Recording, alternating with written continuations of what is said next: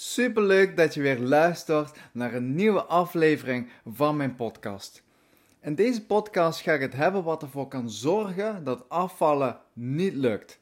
Ik neem je mee in drie dingen wat je in mijn ogen absoluut niet moet doen. De eerste is: hoe komt het dat we massaal van de vetten afgaan als we een paar kilo kwijt willen? Een hele belangrijke oorzaak is het tellen van calorieën.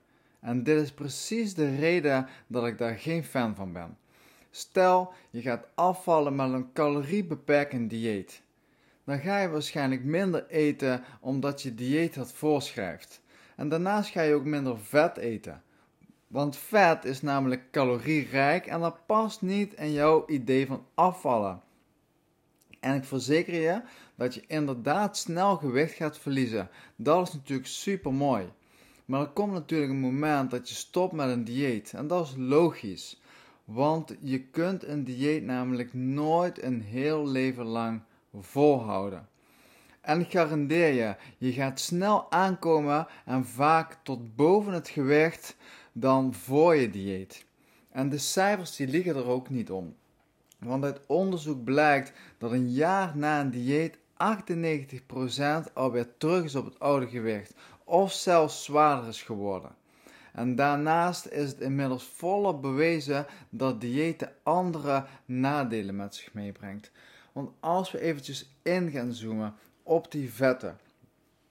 Als jij echt alleen maar let op de calorieën, dan kijk je niet naar de voedingsstoffen, maar dan kijk je echt, oké, dit heeft maar zoveel calorieën, dat heeft maar zoveel calorieën. Ik mag per dag, mag ik maar maximaal zoveel calorieën.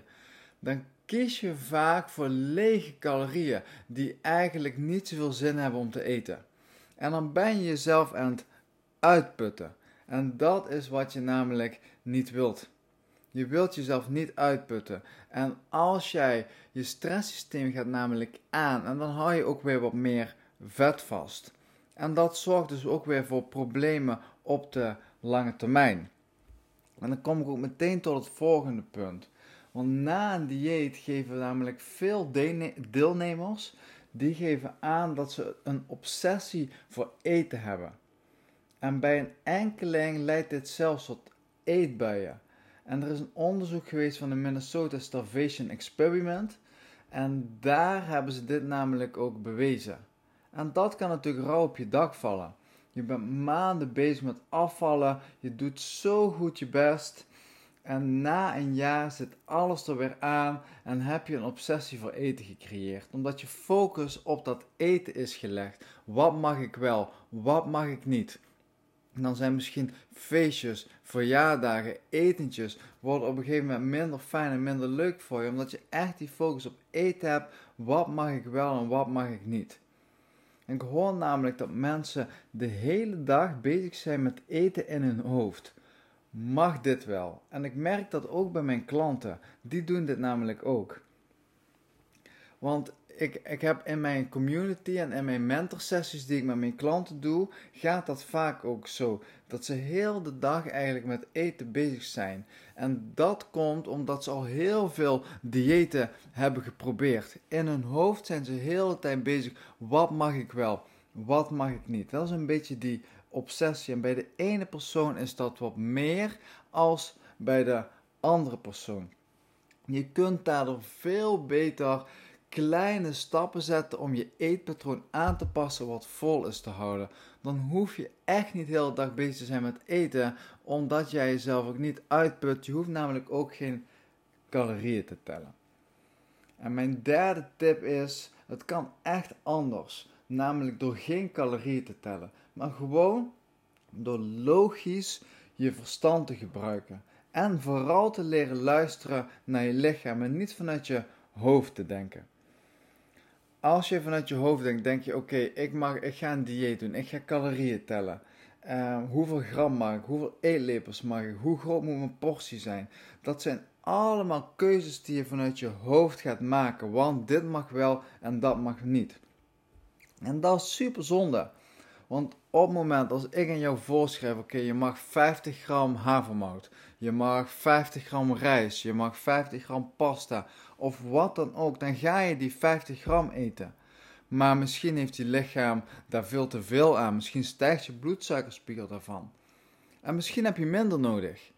En als jij echt vanuit je hoofd en het voorgeschreven gaat volgen, dan schakel jij volledig je gevoel uit. En ik wil je echt adviseren om te gaan voelen naar je lichaam waar heb je behoefte aan. Als je wil afvallen, stop ermee om in je hoofd keuzes te maken en naar porties die voorgeschreven zijn, om die te gaan volgen, maar ga voelen waar jij behoefte aan hebt. Want iedere dag kan het anders zijn. Misschien heb je een hele actieve dag. Misschien heb je een dag dat je wat minder honger hebt. Je lichaam geeft dat niet voor niets aan. En ik kan me voorstellen dat je niet zo goed weet hoe je dat moet doen. Want hoe moet ik dan in godsnaam, hoe moet ik gaan voelen? En dat is een proces en dat heeft echt tijd nodig. Jaren geleden ben ik er ooit mee begonnen om gewoon te gaan voelen van hey, weg van de porties, maar echt te gaan voelen van waar heb ik nou behoefte aan. En een eerste mooie stap is, neem echt de tijd om je maaltijd te eten. Doe dat niet als bijzaak, eventjes gauw tussendoor bij de tv, in de auto, bij je laptop, tijdens het werk, lopen naar wat dan ook. Dan ga je namelijk al veel te veel in de gehaaste modus zitten, waardoor je niet kan voelen of jij voldoende gegeten hebt. Wat ik nu tegenwoordig doe, ik ga echt in rust ga ik eten. Mijn telefoon is er niet bij. Ik ben echt alleen maar bezig met eten. Het fijne daarvan is dat ik echt in een ruststand terechtkom, waardoor de voedingsstoffen ook echt goed opgenomen worden. En doordat ik rustig eet, ik kou op mijn eten, ik neem me daar de tijd voor, geeft mijn lichaam en mijn brein ook een signaal van: hey, dit is wel voldoende voor jou. Je hoeft niet nog meer te eten. Want als je eten echt als bijzaak doet, maar even snel tussendoor doet en je koudt niet fatsoenlijk en je bent binnen vijf minuten klaar met je eten, dan geeft je brein dat signaal ook niet af. En dan eet je vaak veel meer dan goed voor jezelf is. Dus als jij meer vanuit jouw gevoel wil gaan eten en zonder een dieet en je vetverbranding wil verhogen, ga gewoon op een rustige manier eten. Neem daar de tijd voor. En dat is namelijk hoe je makkelijk al kunt gaan voelen of jij voldoende hebt. Dan hoef je niet meer naar de grammen te gaan kijken, maar dan geeft je lichaam je vanzelf weer een signaal. Ik hoop dat je iets hebt gehad aan deze drie tips. Vandaag heb ik je namelijk meegenomen in drie verschillende dingen. Stop met calorieën tellen. De tweede is echt door een dieet krijg je een beetje een obsessie voor eten en dan ga je echt gefocust op wat mag ik wel en wat mag ik niet. Dat is niet nodig als je stopt met diëten en echt stap voor stap je leefstijl gaat aanpassen.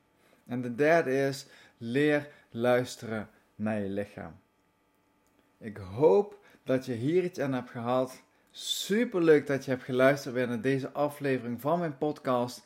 En wil je nou meer leren over dit onderwerp?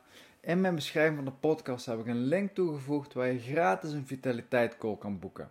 Dan kijk ik graag vrijblijvend met jou mee naar jouw situatie, welke stap jij kunt zetten.